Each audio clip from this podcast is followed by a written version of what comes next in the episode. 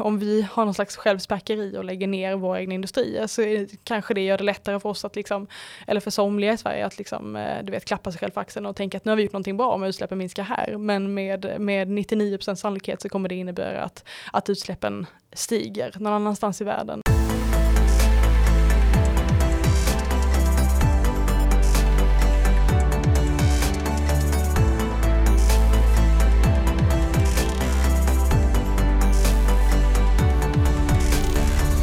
Ellen Gustafsson är ansvarig för miljö och klimatfrågor på Timbro. Tidigare ledarskribent på Dagens Industri samt nationalekonom med mastersexamen från Köpenhamns universitet. Varmt välkommen till Uppskattat Ellen. Mm, stort tack. Kul att ha dig här. Eh, hur kom du in på det här med, med miljö? För det har du skrivit om. Du arbetade med det på Timbro och skrev en hel del om det när du jobbade på Dagens Industris ledarsida. Vad, vad fick dig att bli intresserad av detta? Jag har varit intresserad av miljö och klimatfrågor under en lång period och men första gången som jag egentligen började, om man säger så, kolla lite närmare på det eh, var egentligen när jag skrev en rapport för Timbro 2018 om effektiviteten i den svenska klimatpolitiken. Eh, och efter det har jag också läst eh, kurser om det på, min, på, min master, eh, på mitt masterprogram då i nationalekonomi. Mm. Eh, och jag hade även med liksom, klimatperspektivet i, sen, i, min, i min masteruppsats.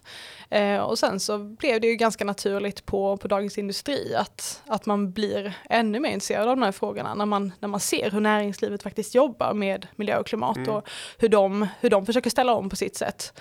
Så att det kom ganska naturligt när man börjar beta i detta och ser liksom vilken, vilket en potential det är och i de här frågorna och liksom den rollen som marknaden kan spela. Mm, ja, för det pratas mycket om, alltså miljö och klimat har ju varit på dagordningen under, under väldigt, väldigt många år, men mm. jag tycker att det här nationalekonomiska perspektivet om hur vi bäst kan göra på mest effektiva sätt. Det är ett perspektiv som kanske har varit underdebatterat under lång tid tycker jag. Mm, mm, jag håller helt med och det var ju liksom lite grann det som var, eh, ja men som jag tycker också är viktigt att fortsätta lyfta fram. Alltså att klimat och miljö har under en lång tid närmast betraktats som något slags liksom, politiskt neutralt område där mm. det finns en, en politik som är rätt och riktig.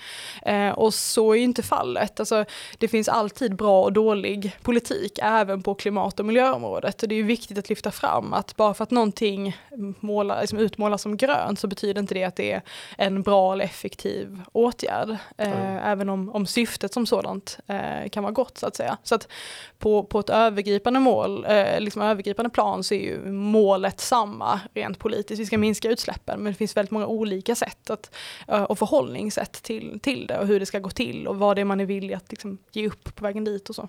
Mm, och nästan all politik som har prefixet miljö uppfattas definitionsmässigt som liksom god och bra, mm. Eh, oavsett om den är effektiv eller inte. Absolut, jag, jag tror att det är någon slags eh, ja, men det finns någon slags godhetssignalering i de här frågorna. Alltså det, man, man betraktar det som någonting mm. så, så att gott i sig självt med, eh, med miljö och klimatfrågor och, och, därför då så är det liksom allting som faller på det området betraktas då som någonting som, någonting som är en bra politik. Mm. Och viljan att göra gott är viktigare än att det faktiskt blir gott. Ja, precis, för att ja. intentionen är god i grund och botten så att säga. Och det, det, det kan man ju absolut inte, liksom, det är inget att klaga på. Det är ju fantastiskt att man vill minska utsläppen och bedriva liksom, klimat klimat, klimat och miljöpolitik är jätteviktigt men, men all klimat och miljöpolitik är inte lika bra. Det Nej. finns bra och, och, och det, det har ju kommit fram. Eh, vi hade det som, det vann väl tror jag förra årets värsta slöseri.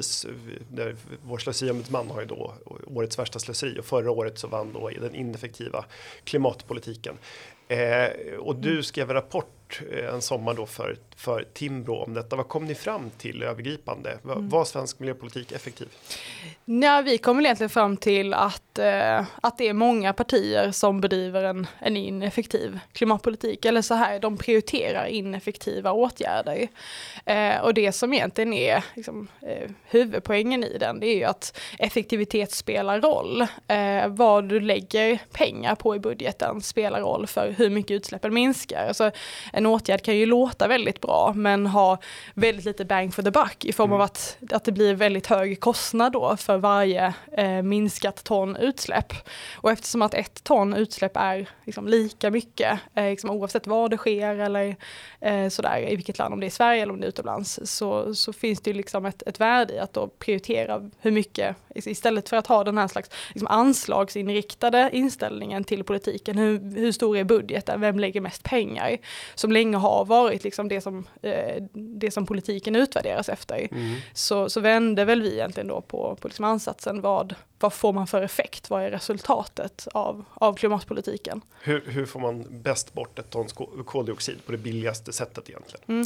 Det som, som vi prioriterade då helt enkelt var internationella klimatinvesteringar eftersom att eh, det har en lägre kostnad per minskat ton utsläpp eh, än till exempel åtgärder inom eh, Klimatklivet då, som, är, som är regeringens lokala eller regionala investeringsprogram i Sverige. Um, och Energimyndigheten då som Eh, som är ansvarig för de här internationella klimatinvesteringarna, de säger då att, att kostnaden per minskat tonutsläpp var eh, 60 kronor. Eh, och det, det, det, är väldigt mycket högre för de åtgärderna som vi bedriver eh, i Sverige. Sen finns det mycket vi kan göra i Sverige som inte bara är så att säga budgetinriktat. Alltså, det finns enormt mycket viktiga saker som vi kan göra på energiområdet, till exempel att ta bort regleringar för fossilfria energislag, eh, både för liksom, kärnkraften och vindkraften och solkraften och vattenkraften klimatkraften. Så att det handlar inte bara, alltså en effektiv klimatpolitik eh, är ju inte bara så att säga, det, det finns, finns många olika delar av det mm. snarare utöver budgeten så att säga. Just det, just det. Eh, och eh, den här liksom klimatnationalismen som man ibland pratar om, det vill säga att man, man prioriterar dyra åtgärder hemma. Har, det, har den nått vägs ände och finns det en förståelse för, bland politiken eller, eller fortsätter man göra den här typen av ineffektiva åtgärder? Jag skulle säga att det fortsätter ju från, från delar eh, liksom av, av det politiska landskapet. Men jag skulle säga också att det finns en större förståelse för det idag. Man mm. talar ju ändå på ett annat sätt om klimatpolitiken nu upplever jag kring, kring klimatnationalism feminism och kring vad, vad, målet de facto är. Det vill säga att den är mer, liksom debatten är mer resultatinriktad. Mm. Vi, vi, diskuterar faktiskt mer vad är effekterna. Oavsett om det är liksom en klimatåtgärd eller om det är en eh, miljöpolitisk åtgärd, det skulle kunna vara en, en miljöskatt till exempel, så är, så, så är själva ansatsen mer resultatinriktad numera, upplever jag. Mm. Så, att, så att det är i alla fall på god väg. Att, det, det blir bättre och, ja. är, du har ju varit tongivande i den här debatten länge och John Hassler är ju ute och debatterar den här mm. frågan mycket nu också. Vad, ja. vad, hur får vi mest pang för pengarna? Mm. Och det, det är också en viktig, eh, en viktig fråga tänker jag, just det här att man faktiskt lyfter upp det här perspektivet och att det blir liksom fler liberala miljövänner. Vi har ju till exempel då en, en satsning på, på Timbo att eh, vi har startat en ny klimatutbildning eh, som också är liksom ett sätt att helt enkelt få fram eh, och knyta an fler av de här liberala miljövännerna mm. eh, så, att, så att det blir fler i debatten. Intressant, vad spännande. Mm. Eh, en fråga som nu har stått på högkant de senaste veckorna, inte minst när det har varit kallt och inte så blåsigt. Nu eh, blåser ju, har det blåst storm här några dagar, men, men innan dess har ju elpriserna verkligen skjutit i höjden. Varför är elpriserna i Sverige så höga? Det har ju egentligen väldigt många skäl. Eh, och det finns ju en tendens att beroende på liksom, vilket parti det är som uttalar sig så, så lyfter man fram väldigt mycket olika, eller liksom olika lösningar. Eh, men i grund och botten så när vi såg det till exempel i slutet av eh, vintern, de här höga priserna, så var det ju liksom många olika faktorer som samspelade. Eh, det var isläggning som gjorde att liksom, vattenkraften gav inte lika mycket el som, som nu tidigare. Det blåste väldigt dåligt eh, och eh, det, det var, var egentligen så i hela Europa. Alltså, om ju närmare två vindkraftverk står varandra desto större är sannolikheten att det inte blåser eller produceras el från, från något av dem. Eh, och sen så har vi också då en, en, större utsatthet i och med att vi har lagt ner fyra eh, av tio kärnkraftsreaktorer på, på relativ, relativt kort tid. Och sen har det varit höga eh, priser på naturgas så att alla de här faktorerna har liksom samspelat och skapat ett, ett väldigt högt elpris. En perfekt storm, storm fast ja. utan blåst. Precis. Ja, vad, vara försiktig med, med liknelserna tänker jag. Men, men, eh, men intressant. Eh, en del av de höga kostnaderna är ju naturligtvis skatten på el. Hur ser den ut mm. för våra lyssnare? Jag, jag vet faktiskt, ja. men hur ser den ut? Det är en skatt du betalar per förbrukad kilowattimme då. Eh, och den uppgår till 45 öre per kilowattimme eh, inklusive eh, moms. För, för själva eh, liksom, utformningen av energiskatten då är ju då att du även betalar då moms på själva skatten. Det. Eh, så det är de här 45 örena och det är den, i Sverige har vi den tredje högsta elskatten i Europa och den har också fördubblats över 25 år och det tycker jag är ett, jätteviktigt perspektiv att lyfta upp vid sidan av, eh, det har ju så att säga egentligen ingenting att göra med de höga elpriserna men däremot så får det en effekt för de höga elräkningarna. Just det. Mm. Ja, och på normal elräkning, inte när priserna är så här mm. höga för mm. då är ju, eh, sjunker skattandelen. Men, mm. men på normal elräkning så är ungefär halva ja, kostnaden. Det är en skatt. kostnad som vi i någon mån eh, har eh, liksom, accepterat, eh, blivit liksom, vana vid att ja. betala varje, eh, varje månad. Som en kokande groda, man skruvar upp temperaturen ja, exakt, vart, efter. Eh, och det, många upprörs ju, och kan jag tycka med rätta på, att man då har moms ovanpå skatten. För det har man ju, det har man ju också på bensin och mm. cigaretter och alkohol så har man ju en, en, en alkoholskatt skatt eller en tobaksskatt och sen så lägger man moms på helheten, alltså även skatten. Det upprör ju många. Men, mm. men frågan är varför har vi skatt på energi överhuvudtaget? Man kan ju förstå då med liksom cigaretter och bensin som man vill att folk ska använda mindre av. Varför har vi skatt på energi? Är det helt enkelt för att man kan? I, precis, det är, det är väl, det är väl det som är egentligen frågan. För det finns inga goda skäl att beskatta el. Eh, och ibland så, så skulle jag säga att den här felaktigt klumpas ihop med som att vara en miljöskatt, alltså med andra miljöskatter. Och det stämmer inte riktigt för att hela idén med miljöskatter är ju att du ska så att säga beskatta någonting som är dåligt för mm. miljön eller för klimatet som koldioxid. Och koldioxidskatten är ju ett, eh, liksom det mest effektiva verktyget verktyget du kan använda i, i klimatpolitiken. Men, men el som sådant är inte dåligt för klimatet, utan tvärtom så är el någonting som, som hushåll i många andra sammanhang eh, uppmuntras att använda mer av i klimatsyfte. Vi ska elektrifiera transporterna till exempel, om man ska köpa elbilar istället för att köra bensin och dieselbilar till exempel. Så att där finns det ju en tvetydighet i detta, att man samtidigt då liksom straffbeskattar el. Ehm, däremot kan ju elproduktionen som sådan sådan vara smutsig. Till exempel om elen kommer från kolkraftverk eller om det kommer från oljekraftverk och sådär. Men då är det ju kolkraftverken och oljekraftverken du ska beskatta och det gör man ju också inom EU genom ja. utsläppshandelssystemet. Så det borde beskatta, dåliga saker ska beskattas men ja. inte nödvändigtvis eh, energi? Nej exakt och framförallt att du ska beskatta det då så nära källan som möjligt, det vill säga där utsläppen kommer, det vill säga vid liksom själva den smutsiga elproduktionen, inte eh, elen som sen då förbrukas hos hushållen till exempel. Och den här skatten är egentligen bara för att man kan, den finns av det, jag kallar det för rent fiskala skäl. Ja. Eh, finns det något skäl till att den har ökat eller är det samma anledning? Man jag tror att det är, man, man, man, kan. Man kan ehm, ja. Och för det är ju också det som är, som är intressant, den här är ju, det är ju en kassako för staten. Den drar in 30 miljarder kronor. Så det är ju, det är ju rejält mycket pengar som kommer till statskassan genom elskatten. Ja, och sen så eh, har man ju nu när, när priserna har stuckit iväg så har vi har räknat lite på det och det är mm. väl ungefär men någonstans mellan 5 och 10 miljarder extra staten kommer att tjäna i momsintäkter bara mm. på, en, på en kall vinter. Mm. Eh, och så ska det här delas ut i någon form av är tanken då att man ska dela ut det här i någon form av bidrag till de som har konsumerat mest om jag har förstått rätt? Ja exakt, eh, regeringens eh, el, eh, elbidrag som, som mer liknar valfläsk. Och det är ju det är också det som är problematiskt när man då försöker, ett, alltså hela, hela utgångspunkten att man någonstans försöker liksom parera svängningar i elpriset skulle jag säga är, är märklig. Då är det bättre egentligen från politiskt håll att försöka inrikta sig på att, att utöka elproduktionen, alltså att vi faktiskt då eh, till exempel då ta bort de här eh, hindren som står i vägen för kärnkraft till exempel i södra Sverige så man får mer planerbar el och att man gör det enklare att överföra el i Sverige. Eh, men, men sen också då att till exempel avskaffa elskatten för att permanent sänka kostnaderna för hushållen.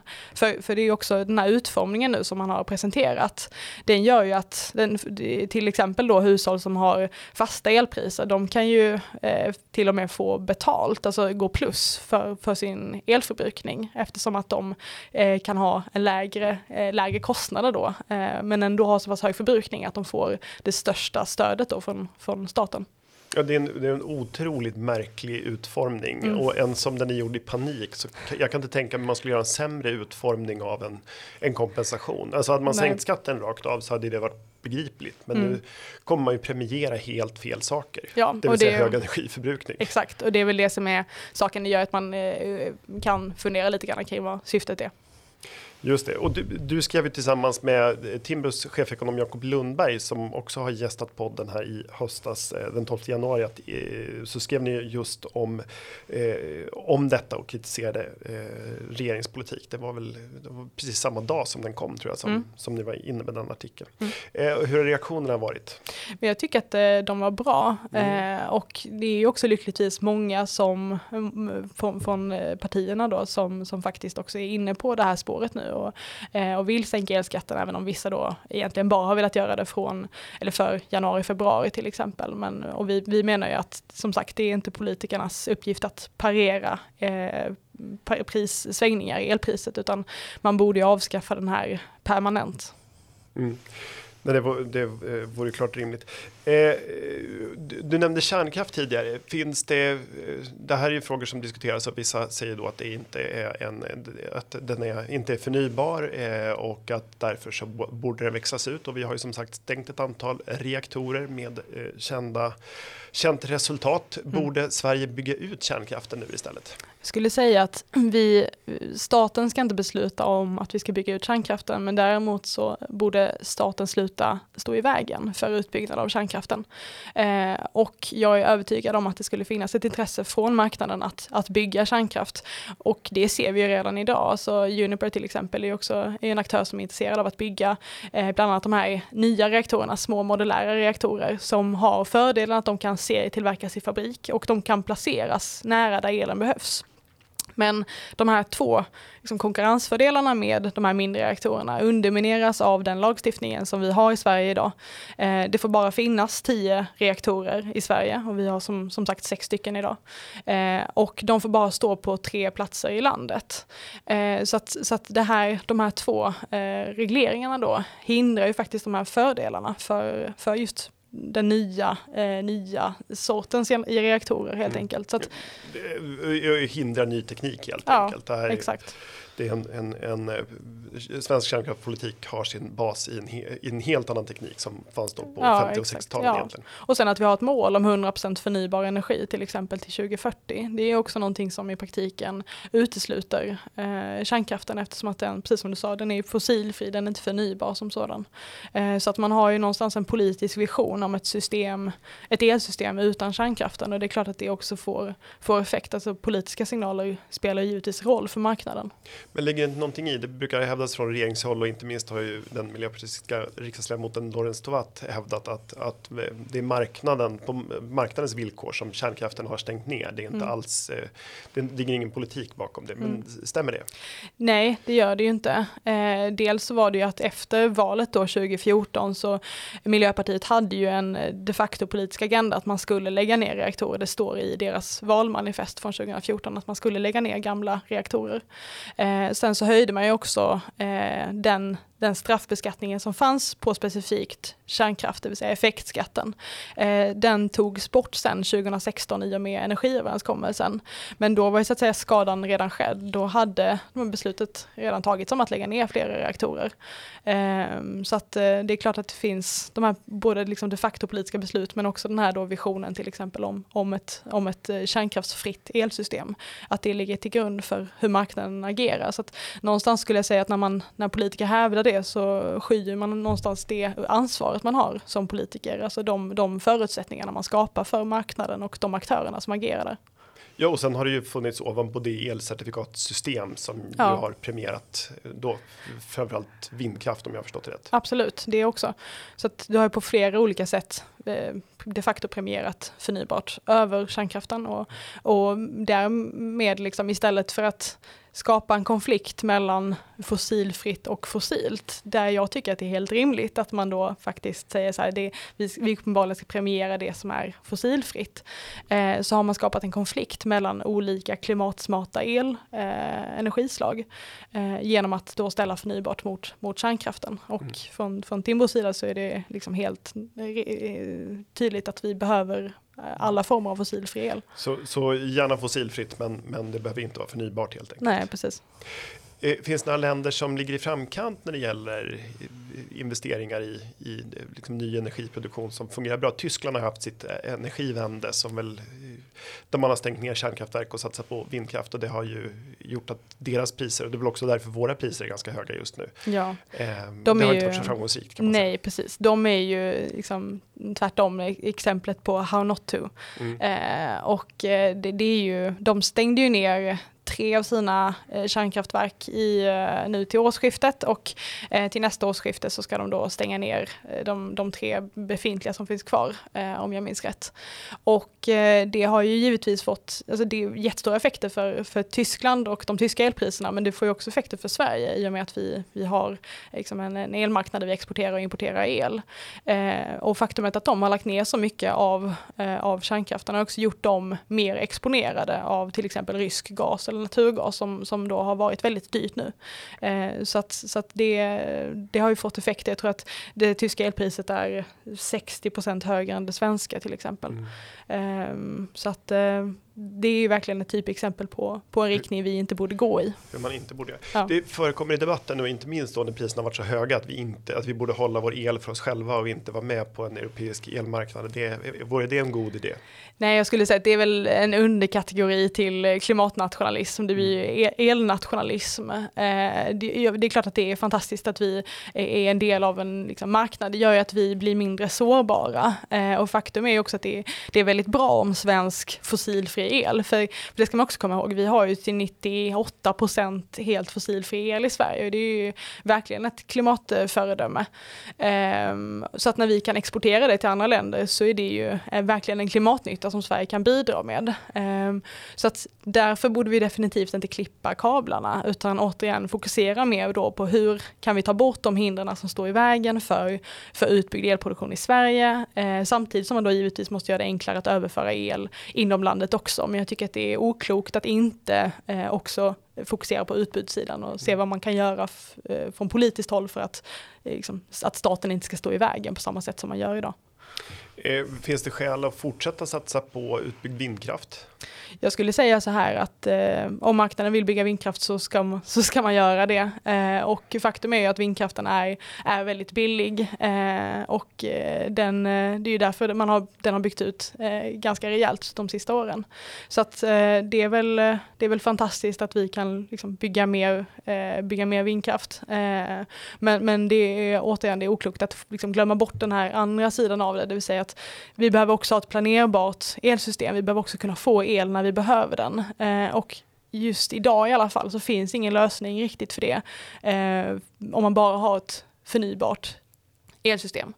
Eh, så att du behöver ju någonstans till exempel då kärnkraften eller en annan liksom planerbar eh, energikälla för att parera och kunna liksom, eh, kompensera för de, de timmarna där, där vindkraften till exempel, när det inte blåser som Mm. det som gjorde nu. Så att, eh, man behöver ju bortom, om man säger klimatfrågan, behöver man också rent reellt se på elsystemet och, och fundera på vad är det för typ av energisystem vi vill ha. Eh, och eh, jag tror att alla är överens om att vi, vi behöver kunna få el när vi vill ha den. Just det, inte, inte bara när det blåser och är Nej, varmt. precis. precis. Eh, Det verkar ju rimligt. Ja, det om, om energisystemet. Eh, en viktig funktion som vi varit inne på just att styra då eh, miljövänlig produktion av energi är ju olika typer av punktskatter och det brukar väl kallas pegovianska skatter, sådana skatter som ska kompensera för eh, någonting som är dåligt. Mm. Eh, finns det, vilka miljöskatter är bra och fungerar på ett vettigt sätt tycker du? Mm. Nej men precis, hela problemet med, om vi tar klimatfrågan och, och, och koldioxidutsläpp till exempel, det är ju att de medför en kostnad för samhället som marknaden inte naturligt tar i beräkning. Och därför behövs ju någon slags styrmedel för att helt enkelt att man, att man ska betala för den klimatkostnaden som man har när man till exempel kör bil då till exempel om den, om den går på fossila bränslen. Så att den typen av, av skatter som behövs behövs är ju då en, en koldioxidskatt. Eh, det skulle också kunna vara ett, eh, ett utsläppshandelssystem som i realiteten har samma effekt, det vill säga att du sätter liksom ett tak för hur stora utsläppen får vara och sen så låter du aktörer handla med utsläpp inom det systemet. I båda fallen så skapas ju då ett, ett pris på utsläpp som gör att, det, att du tvingas ta, ta klimatskadan i beräkning. Så att det är ju en miljöskatt som jag skulle säga är, eh, liksom, den är klok och rätt ja, utformad. Fullt ja, legitim. Fullt legitim. Mm. Um, så att den typen av skatter behövs och där ligger ju Sverige i framkant. Vi har, vi har en koldioxidskatt, vi var bland de första länderna i världen som införde den på 90-talet. Uh, vi har världens högsta koldioxidskatt idag.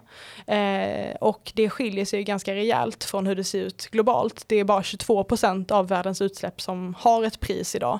Och i många fall så är det också alldeles för lågt. Alltså, det är bara 4 procent av världens världens utsläpp som har ett pris som ligger i linje med det som eh, skulle behövas för att nå Parisavtalet. Så att, så att jag skulle säga att just när det kommer till, till eh, den här typen av liksom, legitima, riktiga miljöskatter så, så ligger vi absolut i, i framkant. Och, eh, och, hur ska vi inspirera andra att göra det? För skatten behöver ju inte vara på koldioxid där oerhört hög för att man ska få ganska stora absolut. effekter. Nej, verkligen. Eh, och du skrev en rapport i höstas på Timbro där, där du pratar om att man bland annat borde involvera Sida i det här arbetet. Hur, kan du berätta hur du ja, har tänkt? Exakt, för, för Sida har redan idag möjligheten att ge teknisk assistans till andra länder eh, för utformning av skatter. Och det som jag föreslår då i rapporten är att, att Sida också borde få ett specifikt uppdrag om att ge teknisk assistans kring utformningen av just miljöskatter eftersom att vi har så pass lång erfarenhet av det och var så pass tidiga med det. Vi, vi, kan, vi kan miljöskatter, mm. vi kan koldioxidskatter. Eh, med, med för, just för att Sida, det finns inget av de projekten som, man, som de jobbar med idag som faktiskt specifikt rör miljöskatter. Så, att, så det, där finns det liksom en uppenbar möjlighet att faktiskt vara med och påverka i andra länder. Eh, och sen så skriver jag också att man borde villkora biståndet eh, med att länder då ska, ska arbeta för att prissätta koldioxidutsläppen just eftersom att vi vet om att det är det mest effektiva eh, verktyget för att, för att minska utsläppen. Det är verkligen inte så ofta man träffar en liberal som, som pratar sig varm för skatter och dessutom globala sådana. det, är alltid, det är alltid roligt. Ja, och, nej, och, och, och att det kanske man också ska säga, det, det behöver inte vara liksom en global koldioxidskatt, utan det handlar ju om att, att koldioxid ska få ett pris mm. i fler länder. Eh, och jag tycker det är viktigt liksom att poängtera att just det här att Sverige är inte ensamt i världen. Det spelar egentligen ingen roll att, att vi är duktiga och gör, gör mycket rätt även om vi också gör, gör, gör en del fel.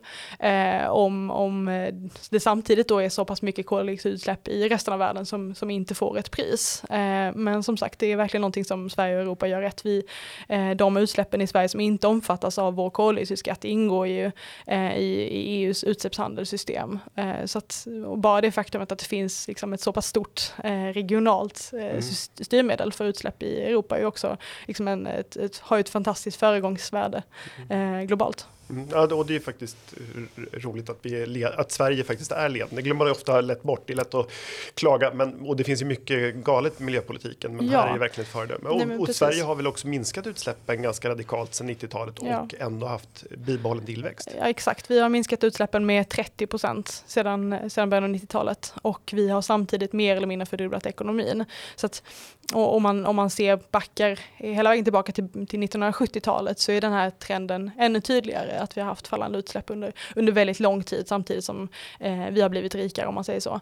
Så att eh, vi är ju också ett exempel på att det går att kombinera miljönytta med, liksom, eh, med ekonomisk tillväxt och att, att människor får det bättre.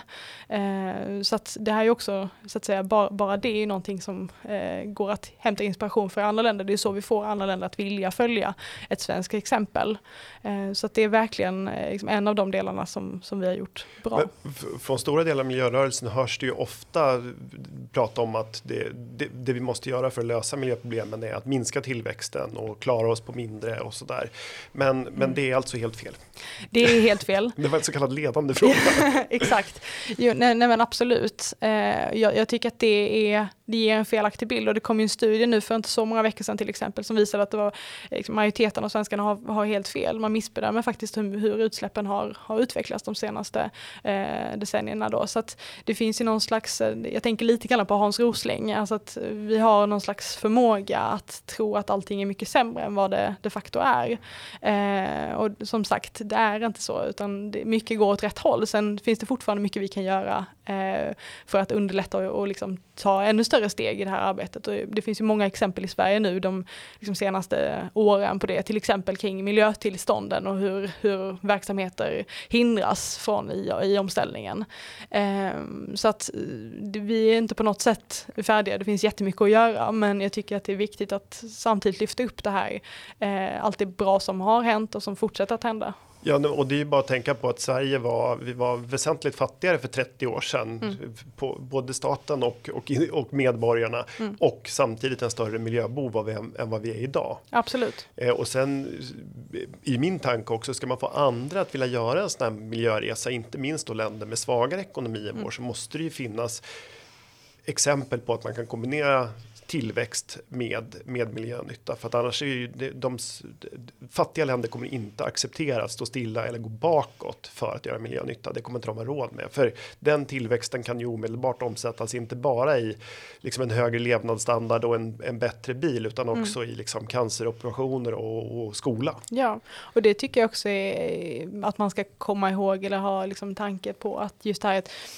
det var en rapport från Oxfam för något år sedan eh, debattartikel som de släppte, jag tror det var i Dagens Nyheter, där de skrev om att, eh, ja, den, att, de, att svenskarna släpper ut väldigt mycket mer än de som lever i extrem fattigdom i Mosambik.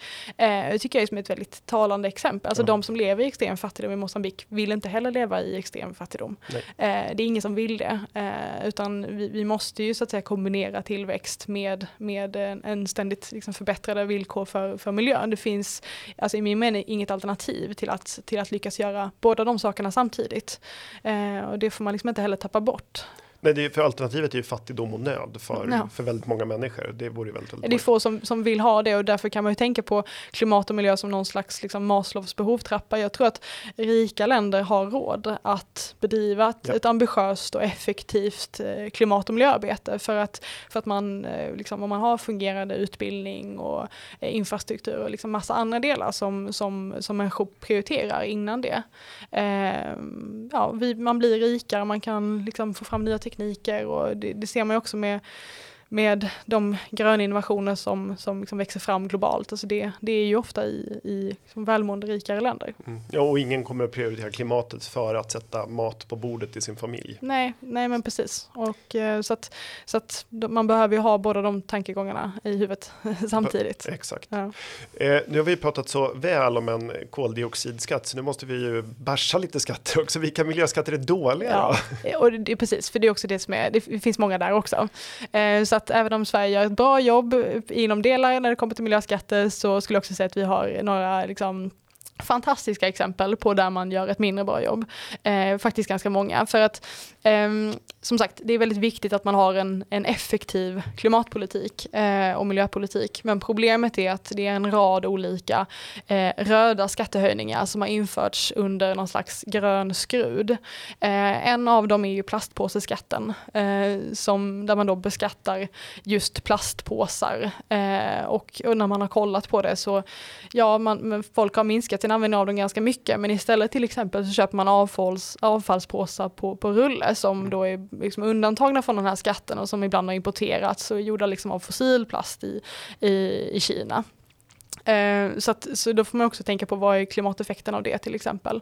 Ja och till och med regeringens egen utredare konstaterar väl att det här inte skulle ha någon positiv miljöeffekt alls. Nej. Redan i utredningen ja. och ändå genomför man det. Ja precis. Och det har man ju också sett till exempel när det var ett företag som har tagit fram eh, nya plastpåsar som har varit gjorda av liksom, förnyelsebara material och som ska vara nedbrytningsbara.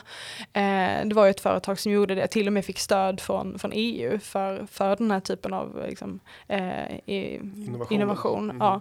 Och eh, det kom ju ett, eh, liksom ett domslut som visade att nej, även de skulle omfattas av den här plastpåseskatten eh, med motivering mer eller mindre att den såg ut som en plastpåse. så att, ja, så att det är också väldigt talande för att det här är en, en, en väldigt dåligt utformad skatt. Eh, det är ganska svårt att se vad, vad syftet är med det. Det känns bra.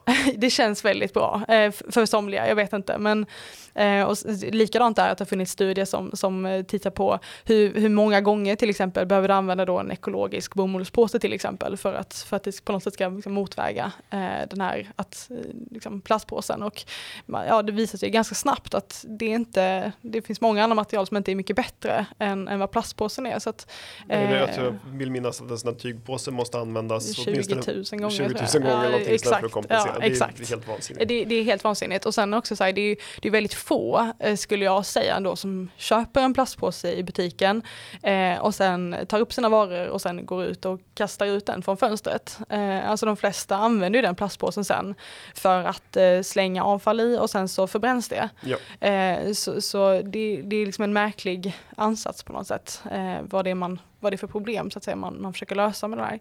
Eh, så det, det, är egentligen bara en av de här eh, röda eh, skattehöjningarna i grön skrud som har införts. Ja, det är inte ens, verkar inte ens vara till för att få in särskilt mycket pengar utan det är bara någon idé man har liksom tagit Nej. fram. Och kört. vad heter det? Den här flygskatten som, som ju, när den lanserades var ju samma sak. Utredningen konstaterade att det här var inte särskilt bra eh, och det man beskattar är ju inte utsläpp utan Nej. antalet flygstolar. Ja. Det är ju helt knäppt om Exakt. man vill göra någonting åt klimatet. Vill ja. man att folk ska flyga mindre så effektivt. Men det är inte särskilt effektivt för att förbättra klimatet. Nej, precis. Och flyget ingår ju också i EUs utsläppshandel till exempel. Så att, ja. Eh, det, det, är också ett jättebra exempel. Kemikalieskatten är en annan sådär ja. eh, lågvattenmärke eh, där man beskattar då produkter eh, efter vikt istället för kemikalieinnehåll så att säga. Så att, till exempel då en tvättmaskin blir ju, liksom, får ju den dyraste delen av skatten om man säger så. Ja. Och det var ju samma sak som man sen försökte göra med, med skatten som då är, den är ju lite put on hold eh, för tillfället. Men, men det finns fortfarande politiska ambitioner så jag om att den kanske skulle kunna införas vid senare tillfälle. Men då skulle man ju också beskatta kläder efter vikt. Eh, även fast utredningen, eh, jag tror den heter Skatt på modet, eh, konstaterade att ja, jag tror över 80 procent av kläder och skor i Sverige innehöll inte någon av de här kemikalierna som, eh, som man då ville så att säga minska. Eh, så det är ju ett... ett eh, och, och, varför gör man det? För som sagt, det inbringar inte så mycket pengar utan det här är mer för att visa någon slags handlingskraft då från politiskt håll. Ja, jag, jag tror att det är att man vill visa att man gör någonting. Eh, men också, ja, man får ju in en del pengar till, stat, till statskassan, så är det ju. Alltså, man, utformningen av den skatten som föreslogs, i alla fall på klädskatten, det var ju att, att man, om man då kunde bevisa att de här kläderna hade inte innehållit några kemikalier, då kunde man få tillbaka den skatten som man hade betalat, men, men inte helt fullt fullt ut, man skulle fortfarande betala 5% av den för att eh, kläder har alltid någon slags miljöpåverkan var resonemanget. Så, att, eh, så att det här var ju liksom en generell ja, skatt på kläder ja. som infördes, eller som man, som man ville införa då. Ja, det är ju helt vansinnigt. Hur, eh, om man ser framåt då, vad, om du skulle få skicka en önskelista, vi har ju val i höst. Eh, vad skulle du önska från nästa regering oavsett färg? Vad vore de viktigaste eh, miljöpolitiska åtgärderna att ta tag i? Mm. Jag tycker att det är jätteviktigt att man tar bort de här hindren som står i vägen för, för olika typer av fossilfri elproduktion. Jag tror att det är superviktigt just eftersom att det också, sen ska det också bygga de här eh, energislagen. Eh, och, och just eftersom att el har en så pass viktig del i klimatarbetet. Inte bara för att elproduktionen står för en så stor del av både Europas och liksom de globala utsläppen, men också för att el är en så fundamental del i att ställa om andra sektorer, till exempel då transportsektorn, men också för många industrier som ska få bort eh, sina utsläpp. De, de är ju väldigt tydliga med att de kommer behöva enormt mycket mer el till, till 2045. Så att, att ta bort de här hindren som står i vägen för elproduktionen skulle jag säga är väldigt viktigt. Men också då, vad sa du? 1A. Ja, politiker, ja, nej, det de ska ägna sig åt det och lägga sig i mindre helt enkelt. Ja, ja men ja. Jag, tycker att det är en underskattad del av klimat och miljöpolitiken. Alltså det finns, ja, verkligen, verkligen. Eh, att att det, det, finns väldigt mycket fokus på vad ska politiker göra, vad är det man borde göra? Ja, en viktig del av det är att göra mindre eller mm. sluta stå i vägen och lägga sig i lite mindre. Eh, så det är verkligen en viktig del. Men sen så som sagt, jag tycker också att det här med vad Sverige kan göra för, för andra länder, att få dem att prissätta utsläpp, tycker jag också är en, eh, en väldigt viktig fråga såklart. Mm. Ja, och som skulle få som sagt stor. Är det någonting man skulle få väldigt stor effekt på så är det att att prissätta koldioxidutsläpp i överallt. Ja, ja, och sen så eh, ja, som sagt, vi har ju ganska många, ganska många saker som vi vill göra, men eh, som sagt slopad elskatt. Eh, just för att, för att det är märkligt att ha den här dubbla eh, liksom signaleringen till hushåll kring, kring användningen av el. Mm. Eh, är ju också en viktig del. Satsa mer också internationellt. Eh, och definitivt förenkla miljötillståndsprocesserna. Och det är ju det är många som är ute och, och liksom talar om det och säger att de vill göra det. Men, men eh, det är liksom någonting som inte kan, kan vänta eftersom att det är så många stora delar av näringslivet som påverkas av, av de här krångliga, långa och märkliga tillståndsprocesserna som, som vi har i Sverige. Eh. Och det, och det förhindrar inte bara omställning utan det bromsar också ny innovation. Ja, verkligen. helt nya företag. Ja. ja, verkligen. Och jag tycker fallet med Cementa var ju liksom eh, väldigt intressant eh, och, och, visade, visade på det. Eh, det är också, Cementa stod då för en, de är ju en av Sveriges största utsläppare eh, och eh, de hade ju som mål att ställa om hela sin verksamhet till 2030 eh, och bli klimatneutrala.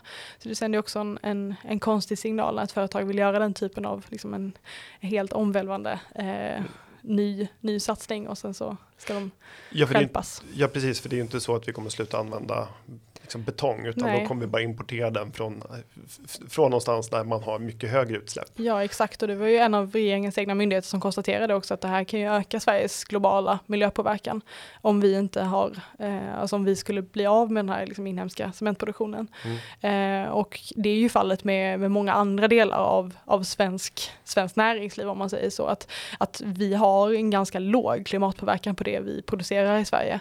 Eh, så att eh, om vi har någon slags självspänning packeri och lägger ner våra egna industrier så kanske det gör det lättare för oss att liksom, eller för somliga i Sverige att liksom, eh, du vet, klappa sig själv på axeln och tänka att nu har vi gjort någonting bra om utsläppen minskar här. Men med, med 99% sannolikhet så kommer det innebära att, att utsläppen stiger någon annanstans i världen och eftersom att klimatet är ett globalt problem så så spelar det ingen roll. Nej, eller rättare sagt, eller spelar, det, det, exakt, det, det, det, blir sämre. Ja, det, det, blir, blir sämre för oss alla. Ja, exakt, exakt. Så att det blir den här det, blir, det, är, väldigt märkligt när man liksom helt frångår att eh, liksom se till hur en, liksom, hur, vad som faktiskt präglar hela klimatpolitiken. Alltså vad, vad är detta för problem? Alltså man kan liksom inte förbise att, att eh, klimatförändringar är en global fråga.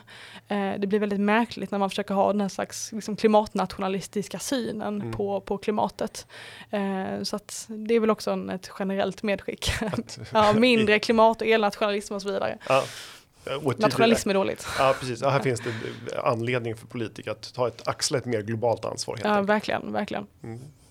Kul, eh, eh, tack så mycket. Eh, vad står på din agenda nu för våren då och för dig och Timbro i miljöhänseende? Har du något spännande som du kan delge oss redan nu som kommer att hända? Ja, vi eh, kommer att köra bland annat den här andra omgången nu av vår klimatutbildning. Eh, Klimatliberalerna heter den eh, där vi då helt enkelt försöker samla eh, ja, olika liberala miljövänner eh, och eh, ta del av intressanta föreläsare på de här temat eh, och åka på olika studiebesök, bland annat till eh, Stockholm Exergi där man då fångar in koldioxid från, från atmosfären. Eh, så att det är verkligen en satsning som jag eh, ja, är väldigt glad att vi har startat upp på Timbro. Spännande, mm. vad kul. Ja. Eh, stort lycka till med detta och stort tack för att du gästar oss här idag. Det har varit mycket intressant och ja. belysande. Tack för att jag fick komma. Eh, uppskattat, det är en podcast från Skattebetalarnas förening. Vi arbetar för låga och rättvisa skatter, rättssäkerhet för skattskyldiga och minskat slöseri med skattepengar. Vi bildar opinion och folkbildar i skattefrågan och vi lever som vi lär och tar bara emot frivilliga bidrag. Uppskattar du podden och vill medverka till att Sverige blir ett land med minskat slöseri och rimligare skatter så stödjer oss enklast genom att bli medlem. Läs mer och bli medlem på www.skattebetalarna.se bli medlem. Till nästa gång, ha det så bra!